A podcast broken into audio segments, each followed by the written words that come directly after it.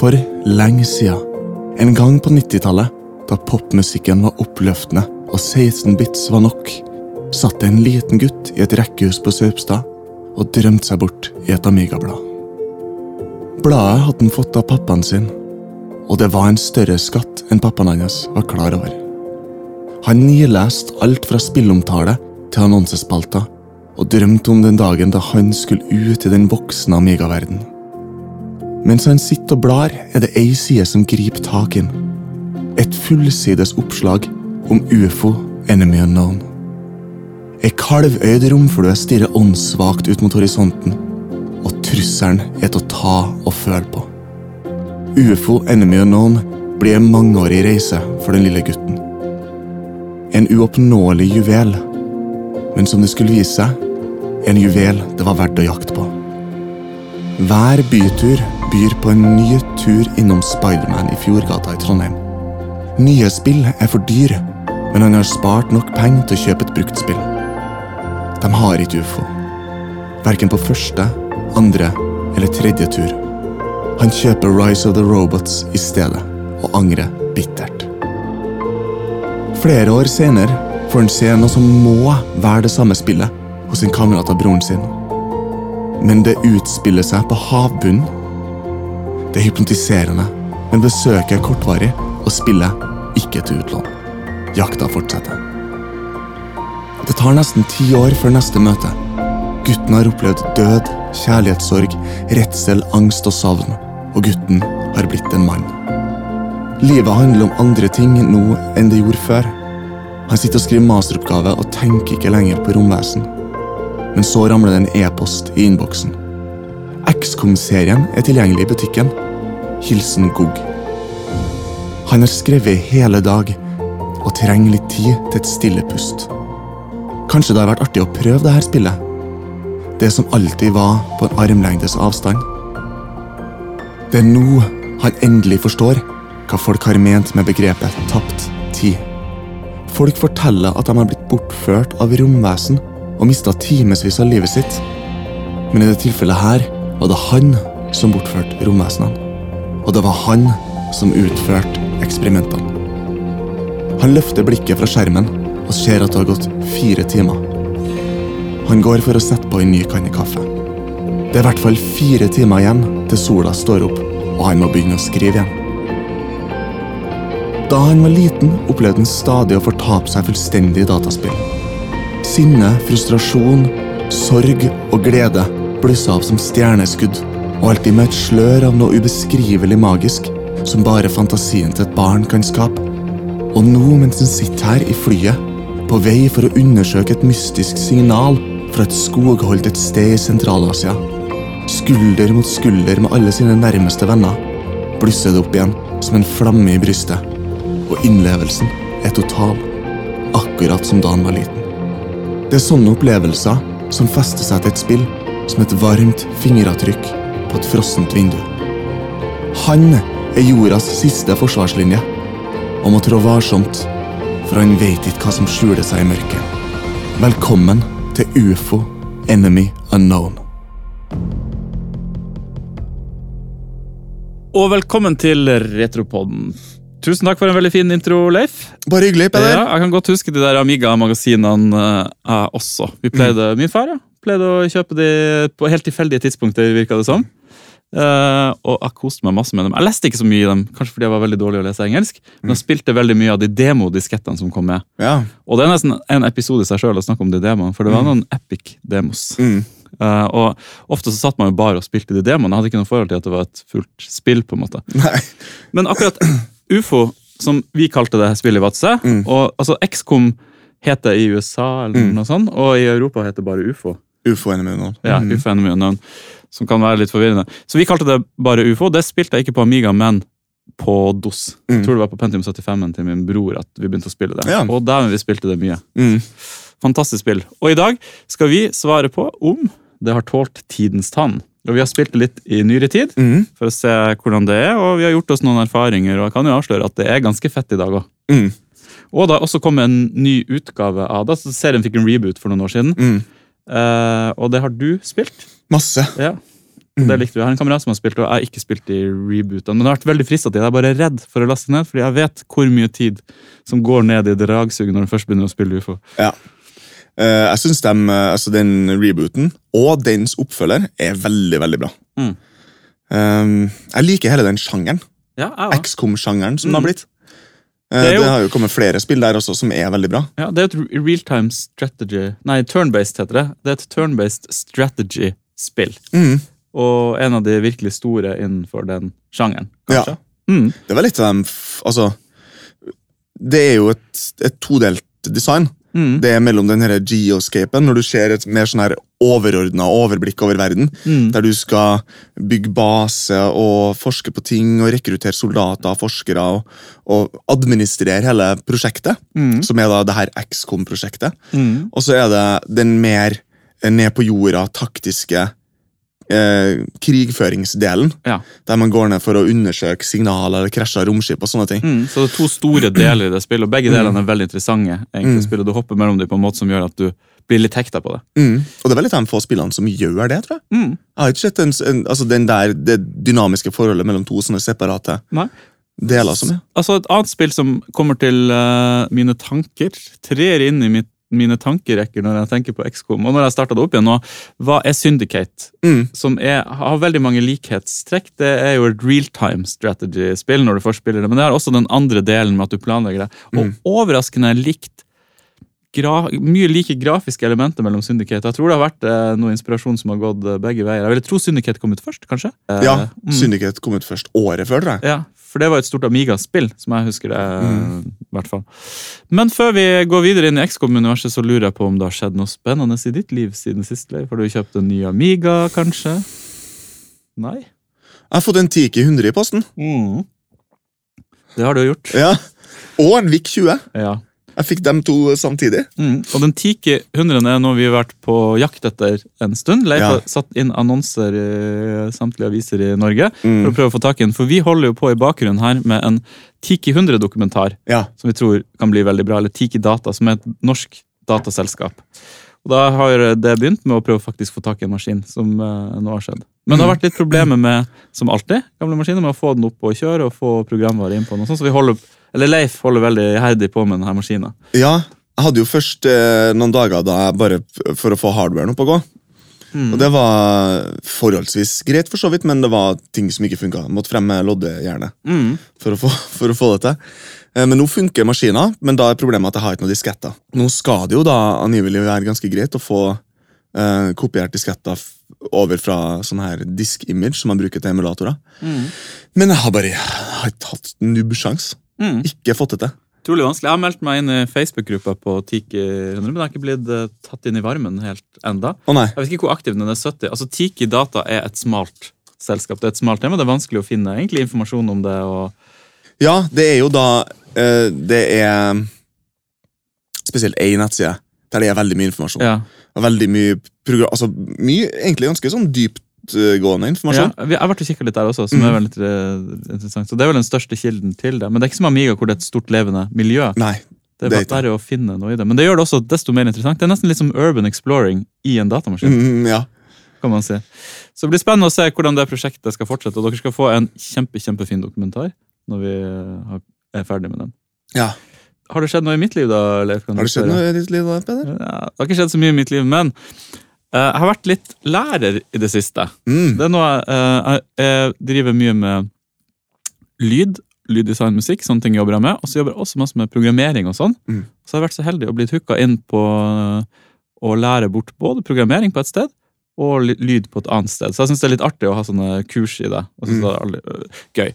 Og så skjedde det noe gøy på Jeg var på Westerdals og underviste forrige uke på mm, tirsdag om lyd og fredag på, om programmering. Og der i klassen så var det en fyr som var norgesmester i pinball. Mm. Som jeg ble snakkende en liten Yes. ganske mye med, egentlig, Ja. om pinballmiljøet, og det var fascinerende å høre hvordan det miljøet det, For det første så hadde jeg ikke tenkt over at det fantes et pinballmiljø, egentlig, og at det fantes en Norge, norgesmester i det. Han skal nå spille EM i Danmark om noen måneder, eller noe sånt. Okay.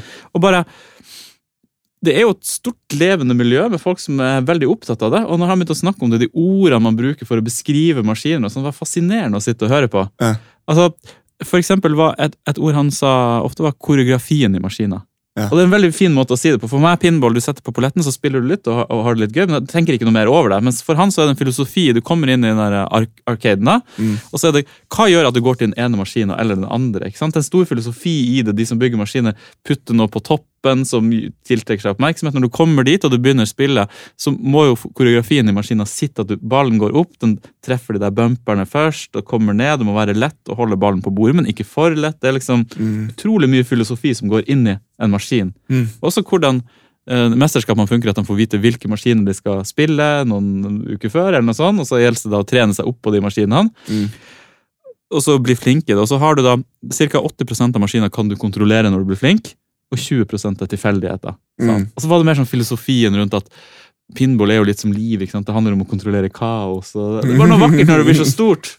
Jeg synes det var veldig fascinerende. Jeg fikk lyst til å finne ut mer av det her eh, pinballmiljøet. Og vi er nå i en ny pinballbølge. da, som han sa at På tidlig 90-tallet så var det en sånn stor oppsving på pinball, og så har det vært litt dødt. Og nå med de barcadesene som I Oslo Mm. har vi da Tilt og sånne steder der du kan drikke øl og spille pinball, eller øh, sånne arkadespill. da, Så har det liksom kommet tilbake, så det begynner å bli mer og mer pinball igjen. da. Mm. Det var interessant. Had, hadde han masse pinballmaskiner, han, eller? Han hadde mange venner som var samlere, så han kjente For han drev også og reparerte en del maskiner, så okay. han hadde vært på Tilt og vært reparatør der. Yeah. Eh, I hvert fall vedlikeholdt en del av de, og han kjente folk som hadde mange maskiner hvor han dro og øvde. og sånn. Han had, har nok en del maskiner sjøl, vil jeg jo absolutt tro. da. Mm. Eh, nei, Det var veldig fascinerende å høre han snakke om. Det er litt sånn, Mm. litt sånn ja. King og Kong og Fistful of Dollars, den filmen hvor du plutselig får inn, innblikk i et uh, miljø ikke jeg visste fantes i noen særlig Mm. grad. i hvert fall. Det, litt sånn føltes det med, med det pinball-miljøet. Mm. Pinball er jo kjempeartig. Nå har, jeg har vel ikke spilt en ekte pinballmaskin siden jeg flytta fra Trondheim. tror jeg. Det var en bar der uh, hvor det var en del konserter og sånn, som, som jeg pleide å frekventere. Eh, der det sto eh, blant annet Indiana Jones pinballmaskin, som har jeg spilte masse. Men et av mine mest spilte spill på Xbox 360 var Pinball FX Ja. 2. 2, tror jeg. Mm. Uh, spilte utrolig mye. Mm. Jeg og en kompis pleide å sitte uh, Vi bodde sammen, da. Pleide å sitte og spille bare timevis hver eneste Ja. helg. Jeg har ikke spilt det, men jeg spilte jo mye på Amiga, de Pinball Dreams og, Ja, kjempebra. og de der kjempe, kjempegode spill. Det er en interessant historie bak, bak til Pinball Dreams. eh, altså Det er jo Dice som lagde de som mm. i dag lager de store, heftige 3D Battlefield. Det er det de lager. Mm. 3D-spillene begynte jo med å lage pinballspill. Og jeg har lest historien om at de lagde det første, dro på sånn messe, og så var det bare sånn, folk lo av dem. Hvem, hvem har lyst til å spille pinball på en maskin? liksom? ja. Det er jo ingen som kommer til å kjøpe den her emulatoren. Og så ble det jo en kjempestor suksess. da, Ja. selvfølgelig. Og det er artig når, kan, når liksom tyngden og, og, fysikken i det blir riktig, så er det ganske fascinerende å sitte og spille det på konsoller og, Mm. og sånne ting også. Artig, synes jeg. Mm. Og så er det mye billigere, så da kan du bli ordentlig god på maskinene. Mm. For da kan man faktisk bli ganske god på det. Ja. Mm. Jeg husker jeg hadde alltid en sånn drøm om Man fikk jo gjerne millioner av poeng på Mm. det Pinball Dream, som tenk hvis jeg kunne fått det ut i penger. Å ja. Det satt jeg også og tenkte på, tenk hvis jeg kunne fått en million ut, husker jeg. ja. Det var artig. Men det skjedde aldri. Nei. Så nå sitter vi her. Ja, hjelpe meg. Men det går da greit med oss. Ja da. Vi klarer Ja. oss, vi, Torleif. Ja. Men uh, ufo. Ufo. Skal vi bare kalle det det resten av episoden, eller hva har du lyst til å kalle det? Eh, vi kan godt kalle det ufo. Ja, for jeg tror det er det folk flest okay. forbinder med det. Er du enig i det, eller? Jeg, pleier, jeg har alltid kalt det enemy unknown. Du har bare kalt det enemy unknown? Ja. Ja. Okay. Uh, men jeg er helt komfortabel med å kalle det ufo. Ja, Da kaller vi det ufo fra, fra nå. Det er det første spillet i en serie. Mm. På fem spill eller noe sånt som har kommet ut nå? Er det mer? Hjelpe meg. Nei, det er mer. Ja, Hvis er man mer. tar med rebootene, så er det flere. Ja, det er flere. Mm. Men det vi har mest kjennskap til, er det første. Ja. Det kom ut noen flere i, i, i serien i, på 90-tallet mm. også. Um, men de har ikke vi eh, så mye erfaring med, egentlig. Eller, jeg har spilt toeren like mye som jeg har spilt eneren. Du har det, ja. Men de er jo nesten helt lik. Ja.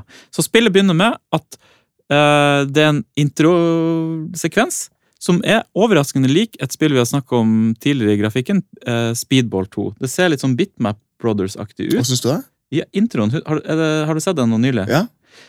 Jeg syns det. Ja. Uh, det, er en, det, er en, det er noen rare grafiske valg som har blitt tatt, synes jeg, i Mm. UFO. Fordi selve spillet er ganske realistisk. altså Det er ikke noe cartoonish, Nei. syns jeg i hvert fall, når spillet er i gang. Det er ganske sånn realistisk, Men akkurat den introen føles litt sånn cartoonish, med liksom Litt sånn speedball-aktig stemning. Okay. Er du uenig i det jeg sier? Ja, nei, jeg, jeg Ja, jeg er vel egentlig ikke sånn kjempeenig. Nei, skal vi se på den på nå, så kan vi enes. Mm, kan vi godt. Jeg er helt enig i at introen er, er tegneserieaktig. Ja. Um, det er jo han eh, Jeg har skrevet ned hva han heter, han grafikeren som har laga den. John Wrights. Han var første grafikeren på prosjektet. Han som laga introen. Um, og han gikk veldig i bretschen for å ha en sånn anime-stil på det. Mm. Um, det er også han som har designa karakterene og spritesen. Er det det? Så det burde jo egentlig Mm. være ganske likt, da. Men jeg tror han også gikk inn for å gjøre dem også litt sånn animeaktig. Men det er jo så pikselert Ja. at det er sikkert at det kommer frem like godt. Ok, nå har jeg XCOM intro-movie her, da. Mm. Skal vi se. Det, musikken minner litt om Syndicate, syns jeg. Det er jeg enig i. Nå er det i gang, og det er veldig veldig sånn cartoon-ish Mm. i stilen. Men jeg føler jo ikke spillet er det i det hele tatt. Sånn som de karakterene som nå popper opp på skjermen her. Mm. Veldig cartoonish. Den er veldig kul, den introen. Her er jo helt likt Syndicate uh, Mm. sin stil. Deler av denne videoen er veldig veldig lik. Så jeg tror kanskje han grafikeren har spilt litt syndiket og vært fascinert av Mm. det. Uh, og her begynner vi å snakke speedball. Ja. Jeg tror det siste klippet her er nesten det samme som uh, på en måte coverbildet til speedballet. Ja. Eh, så spillet begynner med at du ser eh, verdenskartet, Mm. og så skal du velge hvor du har lyst å ha din base. Mm. Din første base. Og man begynner over Sahara, så jeg tror veldig mange har putta basen sin midt i Sahara. Jeg plasserer alltid basen min i Trondheim. Ja, du drar opp dit, ja. Ja. Riktig. Um, og så uh, går man inn i basen sin, og da kan man drive og manage ressurser og sånne ting. Mm. Sette forskere på å forske på nye våpen, f.eks. Og du har et crew der. Du har et skip som du kan fylle opp med crewet ditt. Det her er ferdig for så vidt når du starter, du slipper å gjøre det. Mm. Og så har du to eh, jagerfly som skal skyte ned ufoene. Mm. Da står du og ser på verdenskartet, så kommer det en ufo, og så sender du jagerflyene dine ut for å intercepte den ufoen.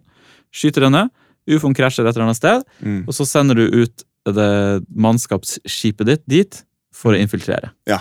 Mm. Det, det stemmer. Um, og sånn som jeg nevner så vidt i introen, så uh, var jo jeg allerede voksen da jeg spilte spillet for første gang. Mm. Men du var ikke det. Nei. Hvordan syns du den læringskurven var?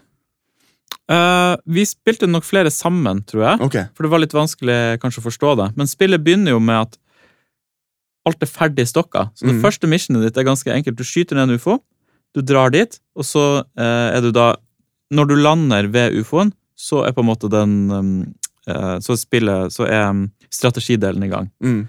Da står du i et romskip, ditt eget romskip, og så Mm. går du ut av det, og så er det en sprengt ufo på bakken. Mm. Og så skal du gå bort dit og skyte de gjenlevende ufoene. Kanskje du kan plukke opp litt sånne alien artifacts, våpnene deres og sånn, ta med Mm. tilbake til din base for å forske videre på det. Mm.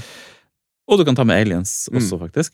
Og læringskurven husker jeg ikke så mye av at vi lærte, men jeg bare husker at jeg spilte det mye. Så det må jo ha kommet til at det første missionet egentlig er ganske sånn selvforklarende, du forstår det. Og da når du kommer inn tilbake i basen igjen, så begynner spillet litt med at du begynner å manage dine egne ressurser i større grad. Så de første Mm. oppdragene er litt sånn lagt opp for deg, på en måte, for du trenger å ta mye stilling til det. Okay. Men det blir jo tydelig i, i første oppdrag Jeg spilte det jo igjen i nyere tid og nylig, og det er ikke lett, akkurat. Nei. Jeg tok litt for lett på det, så jeg gikk ut av skipet og skulle begynne å skyte aliens, jeg mista hele crewet mitt på åtte med en gang. Ja. Altså fordi, og det blir veldig tydelig med fort at du må ha bedre våpen, du må ha bedre rustning, du må ha Mm. bedre alt. Spesielt rustning. Ja.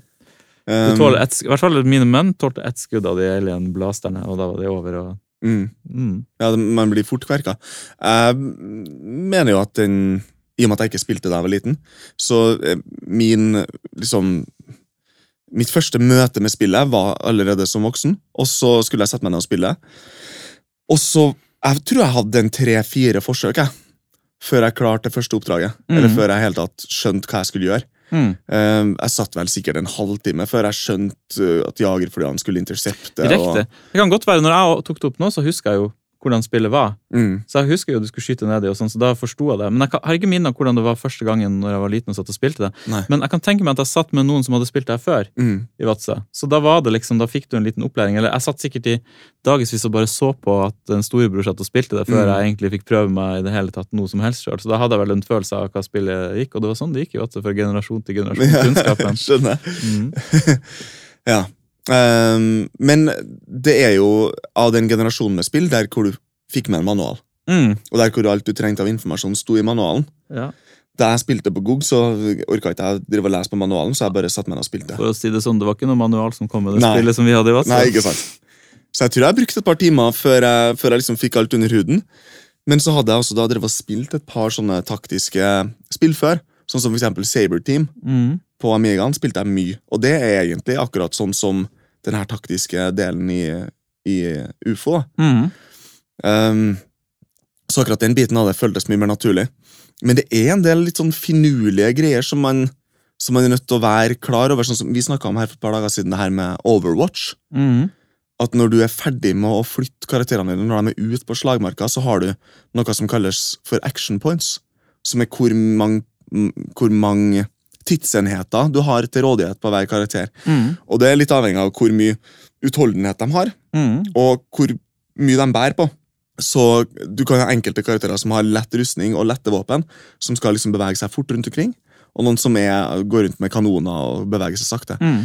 Og det er veldig lurt å alltid sørge for at du har nok tidsenheter til rådighet, til at når du er ferdig med å bevege dem, bevege dem så kan du be dem om å holde øynene åpne Mm. for aliens. Mm. Sånn at når da alienene kommer ramlende inn i synsfeltet deres, på deres runde, alienene sin runde, så åpner karakterene dine Mm. ild. Ja, det er helt sant, så man må passe på at de har nok, fordi hvis ikke blir de bare made ned. For da Ja, ja. står det der, og så kommer alienene, og så skyter de. Så Mm. det, du, du er heldig hvis du får inn et, et skudd før, eh, før alien. Men alien tåler jo da, på første brettet som du spilte da, tåler jo mye mer enn Altså, de tåler kanskje fire-fem skudd av deg, Mm. mens du tåler ett av de, så det er ganske vanskelig å holde seg i live. Klarte å redde alle dine åtte menn? Er det seks eller åtte? Jeg tror det åtte menn. har Eh, det husker ikke jeg. Nå når jeg spilte på Mm. nytt nå, så klarte jeg det. Ja, for det er jo kritisk at mennene dine er i live. Mm. Hvis du mister mange folk, dyrt å rekruttere nye, Mm. og det tar mye tid. Så man må prøve å holde gruppa si i live. Og så blir de jo bedre. Det er jo Ja. megakult. Så Det er jo også problematisk hvis du mister noen som har blitt bedre, og så begynner med noen Mm. eh, dårlige. Men du kan også kjøpe crew, da.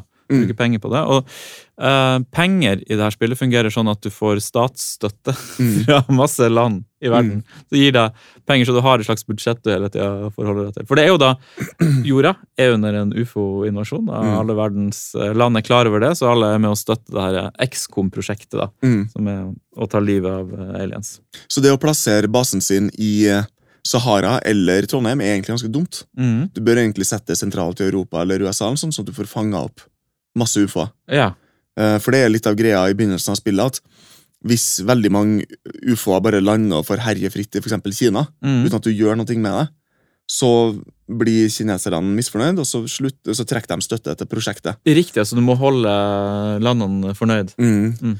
Og etter hvert eh, som du får mer penger og midler i spillet, så kan du bygge baser andre plasser. Ja.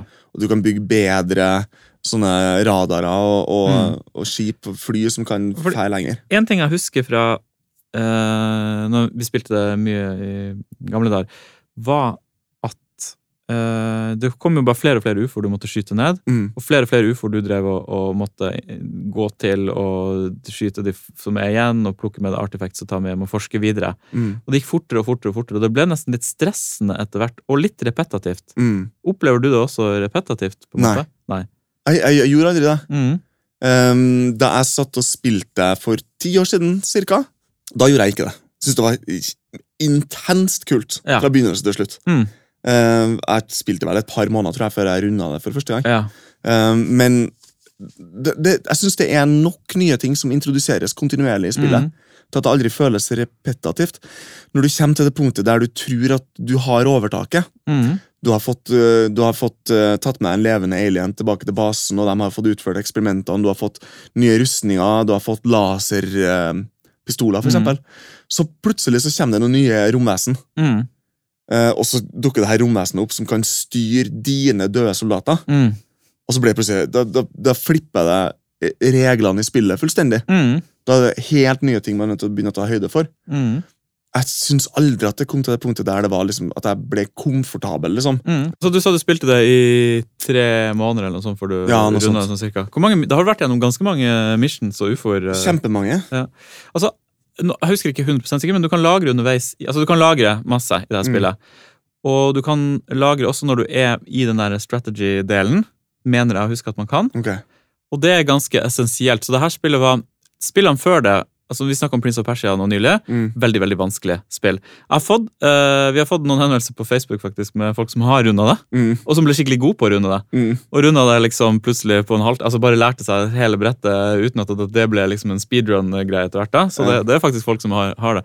Men det var jo uh, vanskelig spill hvor du ikke kunne lagre på noe særlig måte underveis. Mm. Og så er vi på en slags ny generasjon hvor spillene eh, er vanskelige, men du kan lagre mye underveis. Så en del av greia er at du må save og loade når du fucker Mm. opp og, og, og sånne ting. Eh, men det gjør jo også det tar en del tid hvert mission, for du må save og loade. Og, kan, har du minner at du måtte save og loade Ja, ja, når du fucker opp? Ja. Masse. Mm. Eh, Men jeg er også litt sånn her um, Når jeg sitter og spiller sånne type spill, så har jeg veldig lett for at jeg bestemmer meg for at jeg ikke kan la noen av karakterene mine dø. Mm. Eh, Så jeg har en, i hvert fall et par, liksom, tre-fire av dem, som jeg har gitt egne navn til, og som er liksom, Mm. det er mine karakterer. Jeg er helt enig, Det er jo helt hårreisende å miste noen av folka Ja, ja, sine. Så, så man ser jo og loader jo bare når det skjer noe. Ja. Jeg husker når jeg spilte gjennom Doom 2. Da mista jeg ikke et eneste helsepoeng i løpet av hele oh. Jeg bare sava og loada hver gang det skjedde noe. I frykt for at jeg ikke skulle finne healthpacks på en måte når oh, det virkelig gjelder. da Så jeg hadde alltid bare maks helse. og fikk aldri Ok, plukket med noen skjønner. det hørtes slitsomt ut. Ja, du vet, Det ble en sånn her eh, besettelse for meg. Okay. Altså, hvis jeg ble truffet, så nei, oi, nå må jeg loade. ok, skjønner. Ja, nei, da, da kan jeg se for meg at, uh, at det tok lang tid å spille UFO.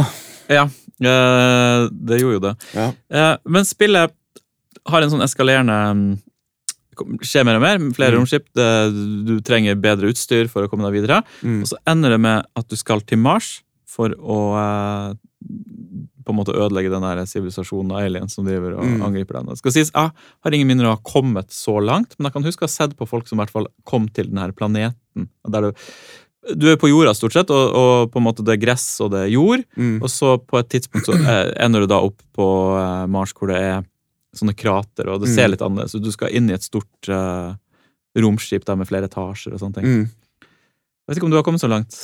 Nei, altså Jeg mener jo bestemt at jeg har runda det spillet, men jeg kan ikke huske den overflata på Mars. Mm. Men jeg husker det, rom, det her moderskipet med flere etasjer og sånn. Mm. Men så lurer jeg på om kanskje det er flere sånne store romskip som man er i på jorda, Mm. og at jeg rett og slett aldri kom til det punktet der jeg dro til Mars. Ja. Men det høres jo litt ut som du har runda det hvis du var så hekta på det og satt inn noen måneder mens du skrev masteroppgave. Ja, det, det, mm. jeg har jo vanskelig for å se for meg at jeg har lagt det fra meg uten å Ja. spille igjennom. Men jeg har også minner av noe med månen. Men det kan være at jeg blanda Mars og månen pga. De, de kraterne. Jeg vet ikke om det er flere mulige endinger Kanskje man drar til månen også. ja, i det spillet. Mm. Mm. Så, så det tar jo noen måneder før man kommer seg til uh, slutten av det spillet. Ja, nå, Mm. uh, Hvis man ser på YouTube, så er det jo folk som har runda det på noen timer. Ja, Så det går an, det òg. Du får speedrunna det hvis du blir flink. Ja. Men litt av kosen her er å sitte og save og loade og bygge opp uh, en solid hær. Mm. Og klare å ta de missionene og få forska opp bedre og bedre utstyr. Og når du får da laserpistolen, er jo en stor overgang Mm. fra, fra de her vanlige maskingeværene dine. For alt mulig slags merkelige våpen etter hvert. Og sånne Mm. små tengser som du kan begynne å kjøre rundt. og sånn. Mm. Det, det er mye artig. Det er veldig mye artige våpen. Mm. Det mye, de har gjort mye for å gjøre den, spesielt den taktiske delen interessant. da, På nytt Mm. og på nytt og på nytt. Og så er det også en ting som skal sies da med, med hvordan det spillet er designa. At um, det er en læringskurve som tilpasser seg hvordan du yter i spillet. Mm. Så hvis du har gjennomført en to-tre oppdrag veldig dårlig, så vil motstanderne bli enklere. Riktig. Det er veldig smart å gjøre det Mm. sånn. Det liker jeg folk som tenker på Og motsatt, da. Mm. Hvis man har gjort det veldig bra, så vil plutselig de alienene få mye bedre våpen. og... Det liker ikke alltid så godt, for da får du liksom ikke noen belønning for at du gjør det bra. Det er jo noen av de rollespillene som er ekstreme på det som gjør det veldig det, vanskelig. du får jo belønningen da, hvis du for eksempel eh, Hvis du har gjort det veldig bra, og du kommer til et, et krasja romskip der det er en, en, en farligere alien med et bedre våpen. Du kan jo ta våpnene etter du har drept dem. Mm. Det er sant, ja, så du eskalerer fort og Mhm. Og så kan du jo også bruke sånne her stun rods på dem. Du kan, du kan uh, slå dem i svime istedenfor å ta livet av dem og ta dem tilbake til basen din for å forske på dem. Mm. Så sånn sett eh, så er det jo egentlig ikke altså det, det er positive ting også ved å møte Mm. eh, farligere motstandere Så er tidligere. det noe deilig over at det er du som forsker på aliens, og Mm. omvendt, sånn som det er i dagens samfunn. Mm, ja, ikke sant? Sånn som det er i virkeligheten. Ja. Du endelig tar tilbake. Mm. Vet du noe om uh, utviklinga av det spillet? Det ble jo utvikla av de her eh, Gallup-brødrene, -hmm. som tidligere hadde vært ganske aktiv i uh, eh, Altså på Spektrum og og Amstrad og Atari ST-utvikling. Mm. Som eh, med unntak av Atari ST, som er liksom britiske konsoller. BBC Micro eh, var der hvor de starta. Og Så BBC Micro, den datamaskinen, mm, den veldig tidlig 8-bits datamaskin. de begynte utviklinga av spill på den. Av spill på den. Ja. Så han Julian Gallup, da, han som er designeren av de toene, Mm. han utvikla sine første to spill i 1983 for BBC Micro. Mm. Uh, og allerede der så, så er det altså det er veldig sånn uh, intrikate, eh, ganske store strategispill Mm. som han laga.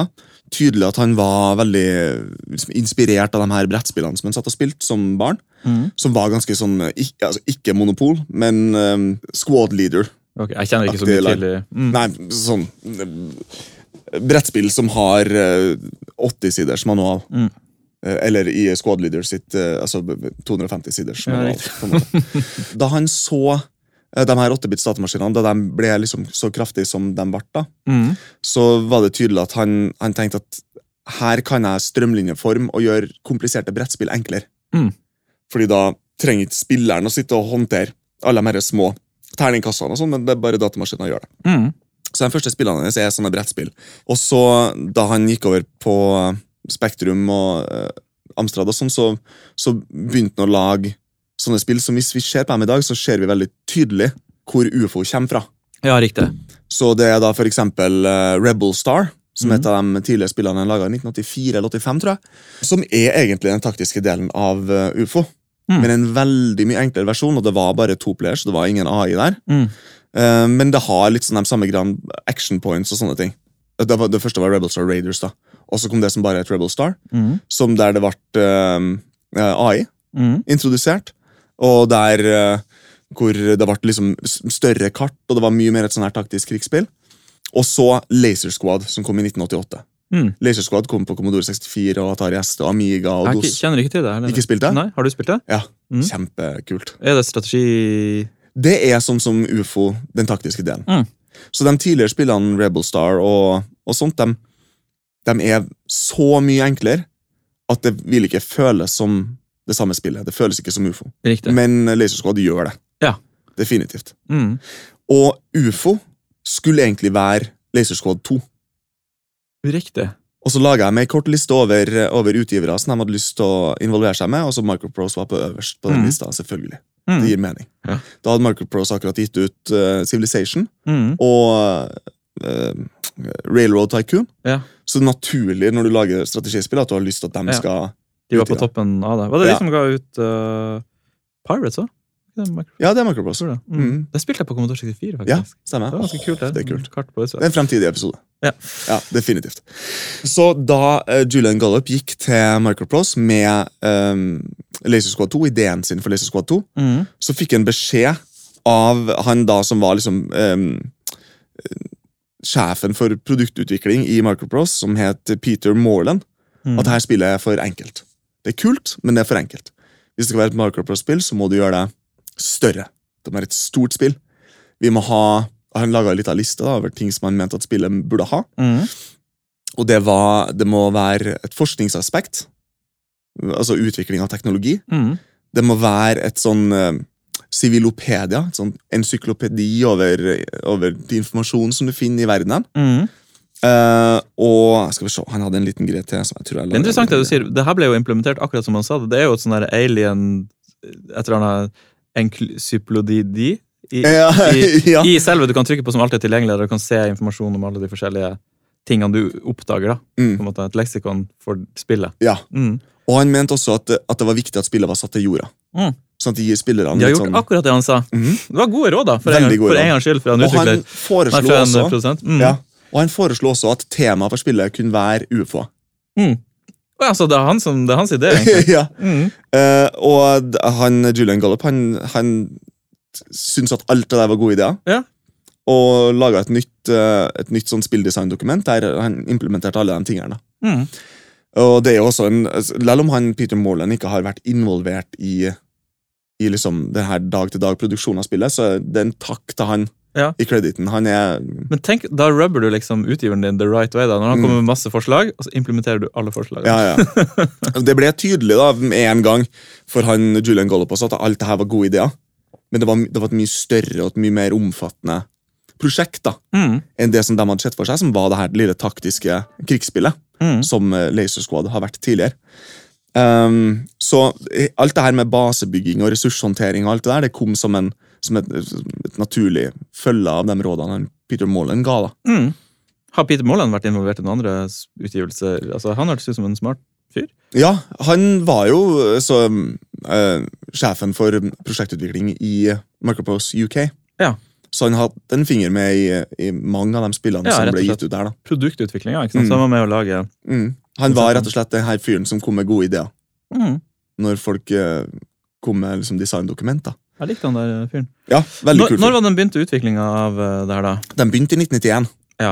Og, og lanseringa var 1994. Ja, Så de hadde tre gode år på seg. Mm, de, holdt på, de holdt på ganske lenge. Og det er forståelig ut ifra dybden i spillet. Når du begynner å spille Mm. det, det, Man skjønner at det her har tatt litt tid å lage. Definitivt. Og det var et ganske lite team òg. Det var Julian Gallup og broren hans eh, som sto for eh, pro programmeringa. Mm. Så var det to grafikere som het eh, John Ritz og Martin Smilly. Mm.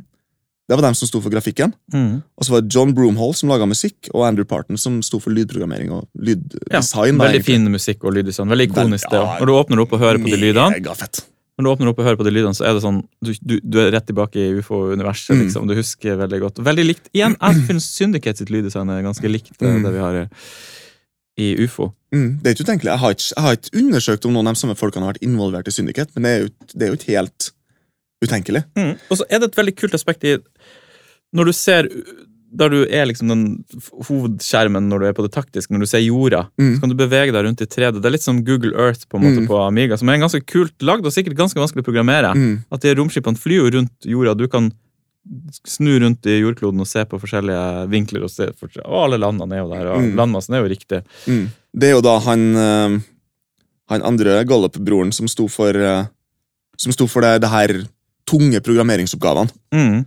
Etter denne praten med han Peter Morland så gikk han Julian Gallup og, altså tilbake til tegnebrettet, og så gjorde han en masse research på egen hånd. Mm. Lest bøker om det, og han bestemte seg for å gjøre sånn dypdykk i den her ufo-mytologien. Mm. Så han leste blant annet en bok som heter um, Alien Liaison. Skal vi se hvem het han som skrev den igjen? Eh, Timothy Good. Mm. Så veldig mye av inspirasjonen ble henta derfra. Mm. Og, og liksom lignende type For det er de første alienene du møter, i hvert fall, er jo the grey aliens. Som Akkurat. klassiske aliens. liksom. Stort hode og ja.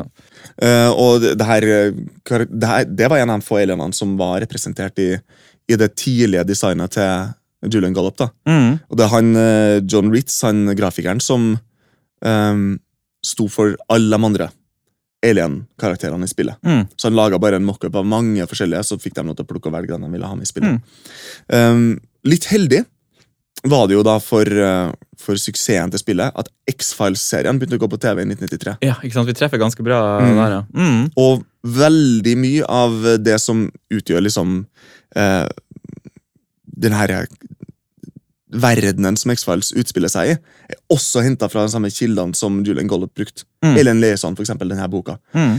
Eh, Så det er veldig mye av de historiene som er i den boka, da, som, er, som danner grunnlaget for X-Files. Og Var det til Amiga de lagde det i første omgang, eller var det DOS? eller hva? De lagde det for DOS Ja. i utgangspunktet, og så kom Amiga-versjonen noen måneder etterpå, Mm. og så kom det for PlayStation Såpass, ja. året etter der igjen. PlayStation 1995. 1. Mm. Ah, det hadde vært en interessant versjon å spille. Mm. For det er jo uh, litt komplekse kontroller, på en måte. Mm. Du har mus og tastatur, og du er jo nødt til å bevege deg ganske mye. Så kunne det vært interessant å se hvordan det har løst det med PlayStation 1-stikka. Det er jo heldigvis uh, er eh, turbasert. da. Ja, det er jo det, så du Mm. har litt tid på deg å gjøre det. Og ja, det er jo bare å trykke rundt, så det vil jo funke helt fint. Mm. Det høres ut som en interessant plattform å, å spille det på, men da må du huske å ha minnekort, så du får lagra. Ja, ja, definitivt. Kjedelig å spille uten minnekort. Men det er jo også da litt morsomt at uh, eh, underveis i utviklinga her så ble Microprose kjøpt opp av Spectrum Holobytes. Mm. Som jeg vet ikke Jeg har ikke hørt om Spektrum Du har ikke nei? Nei. Altså, Spectrum Holobite laga Falcon-spillene. Det er vel også Spectrum Holobite som laga uh, det her mest kjente Tetris-spillet, tror jeg. Mm. Altså Tetris, Tetris, Tetris, liksom. Ja, men hvor, hvor, altså, hvor er det, det selskapet jeg har aldri hørt? Er de her i dag? Um, ja, Uh, de er på en måte det, men ikke. Fordi de ble vel kjøpt opp av Infogrames, tror jeg. ja, riktig. Og Infogrames døpte seg om til Atari, Riktig. som vel er det samme som 2K. Riktig. Så, som er dem som har laga den nye XCOM. For Ja. de har også kjøpt opp Firaxis. Ah, så Microprose er nå inne i 2K, som er et Ja. britisk spillutgiver eller noe i den gata. Det er en del kule spill som kommer derfra, så det Ja, er ikke det verste stedet å være. Så det har ikke gått ille med Microprose Nei, eh, men da Spectrum Holobyte kjøpte Microprose, så så de på alt som Microprose drev og utvikla. Og så så de på XCOM, og så sa de nei, det skitten her, det er det bare å kansellere. Nei, kødder du med meg? Seriøst. Så da var de, de var godt inn i utviklinga der, da. De var vel to år inn. De, de jobba med spillet i litt over 30 måneder, så ikke fullt tre år. da. Mm. Eh, Men de var ganske langt inn i utviklinga. Og så fikk eh, eh, de her, altså produktledelsen i Marketplace fikk beskjed av Spectrum Holobyte om å kansellere spillet.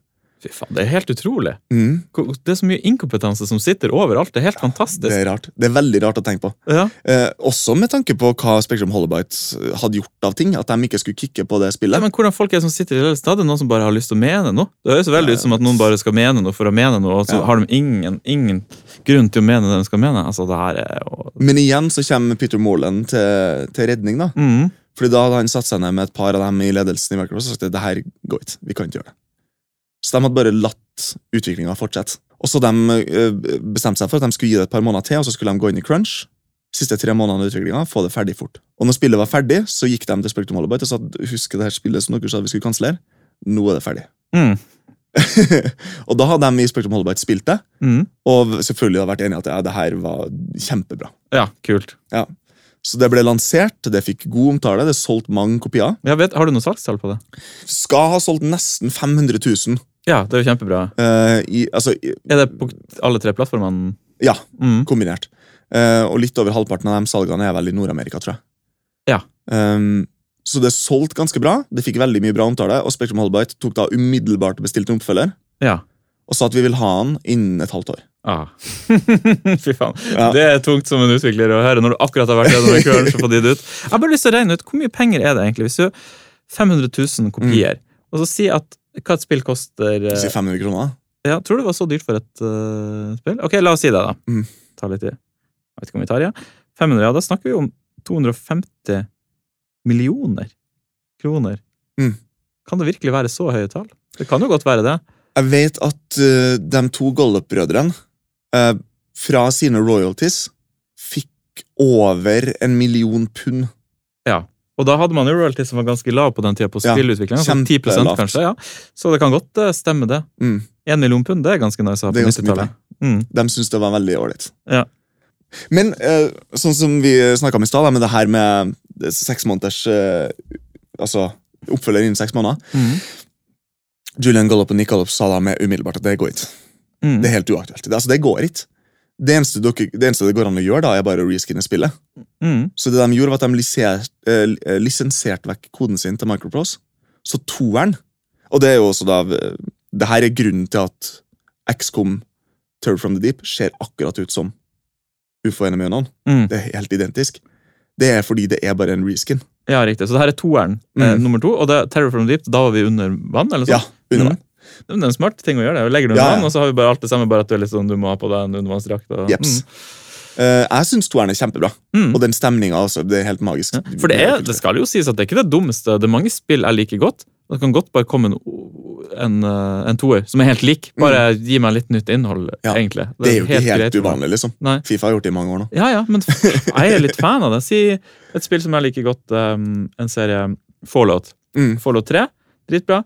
Eh, Fallout 4, nå, jeg vet ikke om det kommer noe Fallout 5, nå har de hatt noe rare greier med Fallout 76 og sånne ting. Ja. For min del, du har laget Fallout 4, det funker helt bra. Ok, Du kan gi ut litt DLC og sånn, det funker fint her. men hvorfor Mm. ikke bare ta et år, du bare bruker akkurat den samme koden, og så bare slenger du inn et, en ny by. Mm. Og noen nye karakterer, og så bare lager du et helt nytt spill, og så kaller du Fallout 5. Alle hadde vært fornøyd, egentlig. Mm. Man vil bare ha mer av det universet man er inne i. Det er jo det som er Ja. mye av det. Det er ikke alltid du trenger å gjøre så mye utvikling. Nei, det er sant, det. Bioshock 1 og 2. De er veldig like, men Ja. veldig fornøyelige, begge to. Ja, ja, bra Mm. spill. Nei da, så det, det var jo ikke helt hårreisende, men uh, Gollop-brødrene da begynte å jobbe med neste XCOM, som skulle bli XCOM 3. Ja. mens Microprose UK var det som utvikla toeren. Ok, så de var i gang med et helt nytt uh, Ja. Mm. Og de brukte jo mange år på, på Mm. XCOM 3. Mens uh, det tok ikke seks måneder å utvikle toeren, men det tok sånn cirka et år. da. Ja. Så fikk de pumpa ut toeren. Som også gjorde det bra. Ble en, ble en ok suksess og solgt en del. Mm. De her eh, rebootene, Ja. som er laga av Firaxis, som er de samme som laga Civilization, Mm. de er designa av eh, en kis Jeg husker ikke navnet hans nå umiddelbart, men han har jobba i Firaxis en stund. Og så, siden mm, så, mid 2000s, altså 2004-2005 eller sånt. Og han, hver gang de har hatt sånne stabmøter i Firaxis og snakka om hva det neste spillet vi skal lage, så har han alltid foreslått XCOM. Ja, riktig. Kult. Eh, så da det, da de fikk liksom, da det ble snakk om å lage en reboot, så var det han som fikk det prosjektet. Ja. Så han har, han, gru, han har sagt i intervjuet at hele grunnen til at han er spillutvikler, er fordi han har drømt om å lage et nytt XCOM-spill. Perfekt person til å sette. Ja. Og de har blitt ganske bra. Altså, De er jo, kjempebra. og populære spill òg, Ja. Mm. Jeg tror faktisk at XCOM, det første av rebootene, jeg tror det har, det har gjort det bedre. Altså, det, har, det har fått mer eh, Game of the Year Awards sånn enn det originale XCOM fikk. Mm. Og du har spilt det her? Uh, Ja, spilte masse. Og Ikke runda det, riktignok, hvor likt er det eh, originale eneren i gameplay og altså, For veldig likt. grafikken er selvfølgelig kjempebra Mm, på de nye rebootene, og gameplayet er veldig likt. Er det? mm, Så det er si at likt. Er det så likt at du begynner på jorda, du går inn i basen, det, det, er det akkurat det samme? Ja. Er, det, er det noen nye elementer som er lagt inn? Det er masse som er nytt, og så er det en del ting som er fjerna. Er, er det like vanskelig? Første oppdraget, er det Nei. like vanskelig? Nei. Det er ikke like vanskelig, men det er det her elementet med at, eh, at eh, troppen din at du, altså, du mister soldater, det er der fremdeles. Mm. Det er veldig vanskelig å klare oppdrag uten å miste en eneste soldat. Ja. Um, den dynamikken mellom eh, geoscape og det taktiske er fremdeles den samme. Mm. med at du tar med, altså Det er det samme. Mm. Uh, men nå så er det ikke som, du, du har bare én base. Ja, du slipper å bygge flere. Ja. Det kan være Eller litt- du får ikke lov til å bygge flere. Det kan være litt digg å slippe det. Jeg syns det er en av de tingene som er kjipt. ja. mm. Eh, men de merka vel sikkert at det, det overkompliserer ting. Mm. Eh, og det gir spilleren for mye å, å håndtere på en gang. For Mm. mye micromanagement. Mm. Så det er helt sikkert en god, eh, en god avgjørelse. Mm.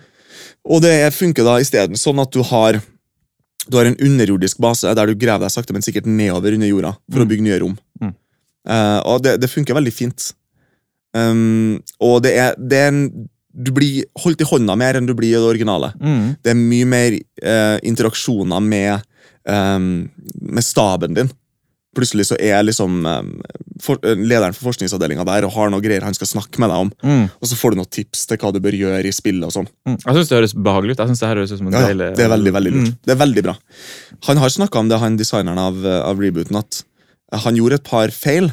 Han fikk for første gang, eh, ganske tidlig på 2000-tallet, eller ganske tidlig, da, så fikk han tilbud om å lage et XCOM-spill. Mm. Og så gjorde han det, og så ble det kjemperæva. Ja. Det ble så dårlig at de i Firaxis sa umiddelbart, uten å gjøre noe som helst, bare nei, det her går ikke. Mm. Det her forkaster vi.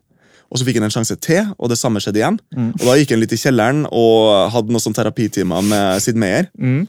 Eh, Der de laga hver sin brettspillversjon av XCOM Mm. og snakka om liksom, hva kan man gjøre for å, for å gjøre det her en fornøyelse i fornøyel, fornøyelig spillopplevelse. Mm. Og han har da snakka om at mye av problemet var at han laga et XCOM-spill som var XCOM, men mer komplisert. Ja.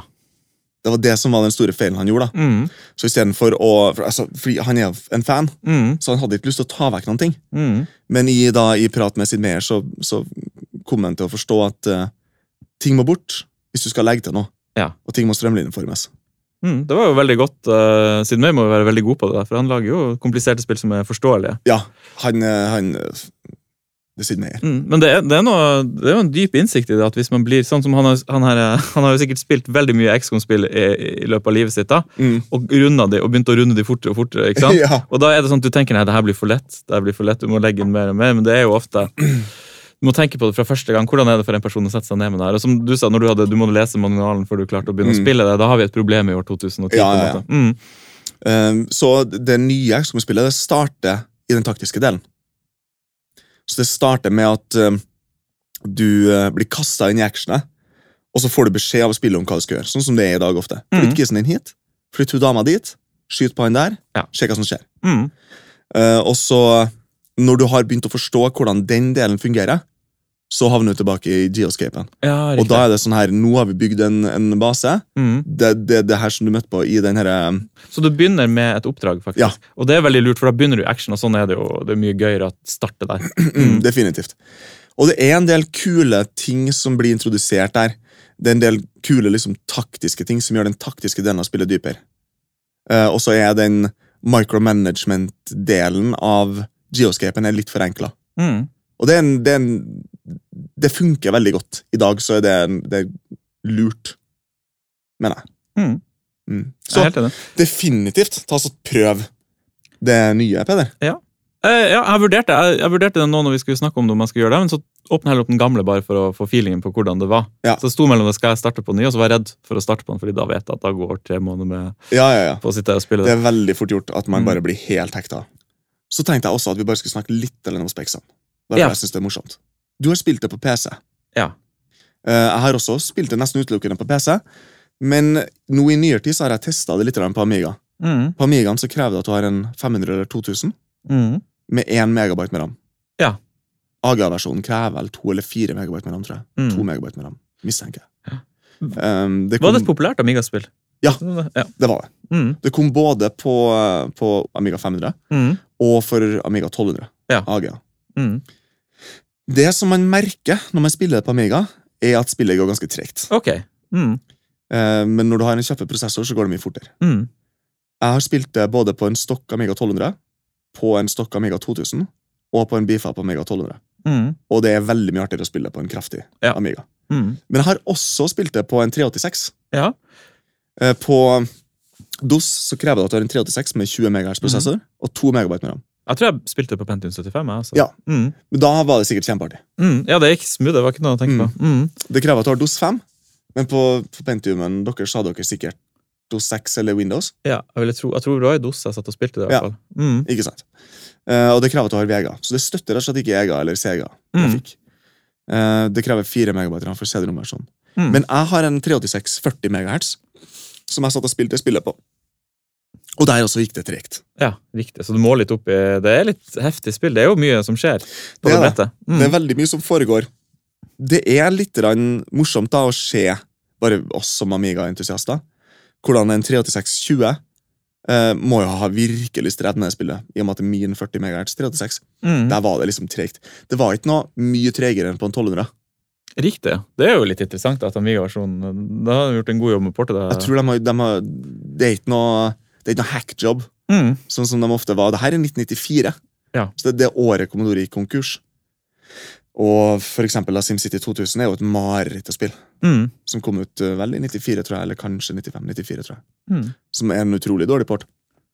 Men ja, de har gjort en god jobb, og jeg vil jo da si at en 486 er det riktige eh, systemet å spille det her spillet på. Ja. Eller en kraftig uh, AGA-maskin. Mm. Så 486 er det man vil anbefale kanskje, Ja. hvis man først skal spille. Og 486 er jo en nydelig maskin. Det er det jeg har lyst på. Ja, fantastisk. Enten en 486 eller en Amiga med 030, en kraftig 030-prosessor. Mm. Da er det spillet morsomt. Det syns jeg ble en ganske grundig og fin episode om uh, XCOM, egentlig. Mm. En fornøyelse å få lov å sitte og snakke om det. Eller XCOM kalte det. Det var vel UFO vi skulle kalle det. ikke det vi? Ja, vi, vi må kalle det ufo. Men har eneren holdt seg? Mhm. Er det et spill man kunne ha spilt uh, i dag? Ja, det er et godt spørsmål. Eller vil man heller anbefale rebooten? Jeg synes, når jeg tok det opp igjen nå, så var det kult. Spillmekanikken funker bra. Alt funker bra. Det, er som du sier, Jeg har spilt det før, så jeg klarer å henge med på det. Mm. Men hadde jeg aldri sett det før, så hadde jeg kanskje måttet lest manualen for å, å skjønne hva jeg skulle gjøre. Mm. Så spillet har Ståle har tolvtiden sann hvis du har spilt det før. Mm. Men hvis du ikke har spilt det før, så er kanskje rebooten et godt sted å starte. egentlig. Mm. Og det er det kanskje uansett. For jeg merker jeg blir frista av reboot når du snakker med meg om det. Da. Det er jo veldig sjeldent at reboots er bedre enn originalen. Yep. Um, og jeg vet ikke om jeg syns at den er det, men den er definitivt ikke noe dårligere. Mm. Um, altså Hvis man er si Hvis jeg skulle ha anbefalt et spill til min eh, 16 år gamle nevø, Mm. så hadde ikke jeg anbefalt XCOM. Altså UFO Enemy Unknown. Mm. Da hadde jeg anbefalt XCOM Enemy Unknown, som Ja. rebooten heter. Mm. Um, fordi det er, det er det samme spillet, men enklere å forstå på absolutt alle mulige måter. Er det på Switchen, som alltid Det- står om? tror jeg ikke. Nei. Men det som er på Switchen, er jo Mario pluss Rabbits. Hva er det for noe? Eh, Har du spilt det? Nei? Det er egentlig et XCOM-spill. Mario? Ja. Der det er det her Mario-universet kobla opp med det her Rabbids-universet. hvis du kjenner til det. Nei, ikke til. Det er noen sånne rare hvite kaniner med store øyne og sånne rare tenner. Ja. Så Du, du, kjenner dem helt sikkert igjen hvis du ser dem. ja, altså Sikkert sett de rabbitsene i de andre Mario-spillene jeg da.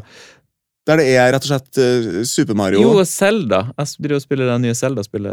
Eller det, det, som gammelt Zelda-spill som har kommet ut på Switchen. Og, Ja. og da er det noen sånne kaniner som hopper rundt, og sikkert den samme Ja, det kan hende. For det pleier å, de Det universene pleier å koble seg sammen ganske bra. Det er veldig kult. Mm. Mario vs. Rabbids er kult. altså. Ja, Er det liksom turn-based strategi? Ja, ja. kult. Ja, akkurat sånn som XCOM. Veldig enkelt. Det er laga for unger. Mm. Men det er, altså, jeg syns det funker veldig fint. Kjempeartig å spille. Vi har fått en liten korreks på SoundCloud. Ja, Vi må Det er jo da på, i forbindelse med den konsollkrigepisoden vår. mm. Og der var vi jo eh, Altså, det er mildt sagt ute på tynn is. Mm. Som vi stort sett er da hele Ja, tiden. ja, det, det kan jeg si. Eh, Så det er da vi ser i SoundCloud som har eh, gitt oss en liten kommentar her. Så jeg tenker det kan være greit å, å lese opp. Absolutt. Um, så det er da som følger. Selvprosessoren også basert på PC-arkitektur. Mm, for det er det jeg mente at det var. Å ja. Husker jeg, fordi Du begynte å snakke om at Xboxen hadde PowerPC-arkitektur, som overraska meg litt, for jeg mente selvprosessoren hadde det, og så mener jeg at du sa at den ikke hadde det. Ok. Eh, Så begge har det, da. Ja. Åpenbart. Eh, Men den besto av en PPE, Power Processing Element, Mm. og seks stykk SPE. Eh, Du kan sammenligne det med en clustercomputer med en master og seks noder. Ja, for det var det det var snakk om, at det var en, seks, det var en prosessor som var ganske heftig med seks kjerner. Jeg husker det når PlayStation 3 okay. kom, så var liksom den prosessoren var superdatamaskinprosessor, på en måte, du kan koble mange sammen, og så Ja, kunne du liksom utføre fan, fantastiske utredninger. Så det står videre, da. Slik at masteren designer oppgaver til de ulike nodene, og nodene gjør kalkulasjonene. Mm. Det var også en sjuende SPE, men den var dedikert til å kjøre OS. Ah, riktig. Mm. Mm. Så du, det var en annen type prosessorarkitektur hvor du hadde en master, og så hadde du seks Mm. Jeg er jo redd for å si noe, for det kanskje blir feil, så blir det korreks. eh, Ja. på det igjen, men kjerner som den, Det hørtes ut som en smart arkitektur. Jeg kan huske at den prosessoren var liksom, det var det de solgte den på. Ok, Jeg, jeg mener nesten å huske et sånt, ja, PlayStation 3, Mm. at han nesten sto der med en sånn der prosessors-PCB, liksom, eh, greie i handa. Bare den her prosessoren eh, det. De kjørte veldig på med den prosessoren. Jeg husker at det var liksom en viktig greie. Så i skolegården eh, kan jeg tenke meg at det var PlayStation 3 er kraftigst, for den har et sekskjerners med masterprosessor. Ja. Ja, ikke sant? Mm. Jeg vil takke for informasjonen. informasjon. Ja. Jeg synes det er interessant. Da. Ja, det er veldig interessant. Tusen takk for at du ville lytte på denne podkasten. Mm. Du kan nå oss på Facebook på Retropodden. Eller har vi fått noen e-post? Nei. Nei, vi har ennå ikke fått noen e-post, så du kan sende e-post til retropodden at gmail.com. Og det var en sånn, jeg tror vi sa det nå i en nylig episode, da fikk jeg mange meldinger med folk som syntes synd på meg Med at vi ikke hadde fått noen e-post. Men det er ennå ingen som har sendt oss noen e-post. Nei. Så kan vi sende en e-post. Nei, men kanskje e-post rett og slett blir litt sånn gammeldags? Ja, det gjør det. Hvorfor skal du sende en e-post? Det gir jo ingen mening. Men eh, vi har den e-postadressen, eh, så Ja, ja. hvis noen skulle få lyst til å sende en e-post, så er det mulig. Vi får jo litt sånn i innboksen på Facebook og sånn, så Ja. får vi litt tilbakemeldinger der, da. Men igjen, tusen takk for at du lyttet på, Mm. og ha en god Hadi.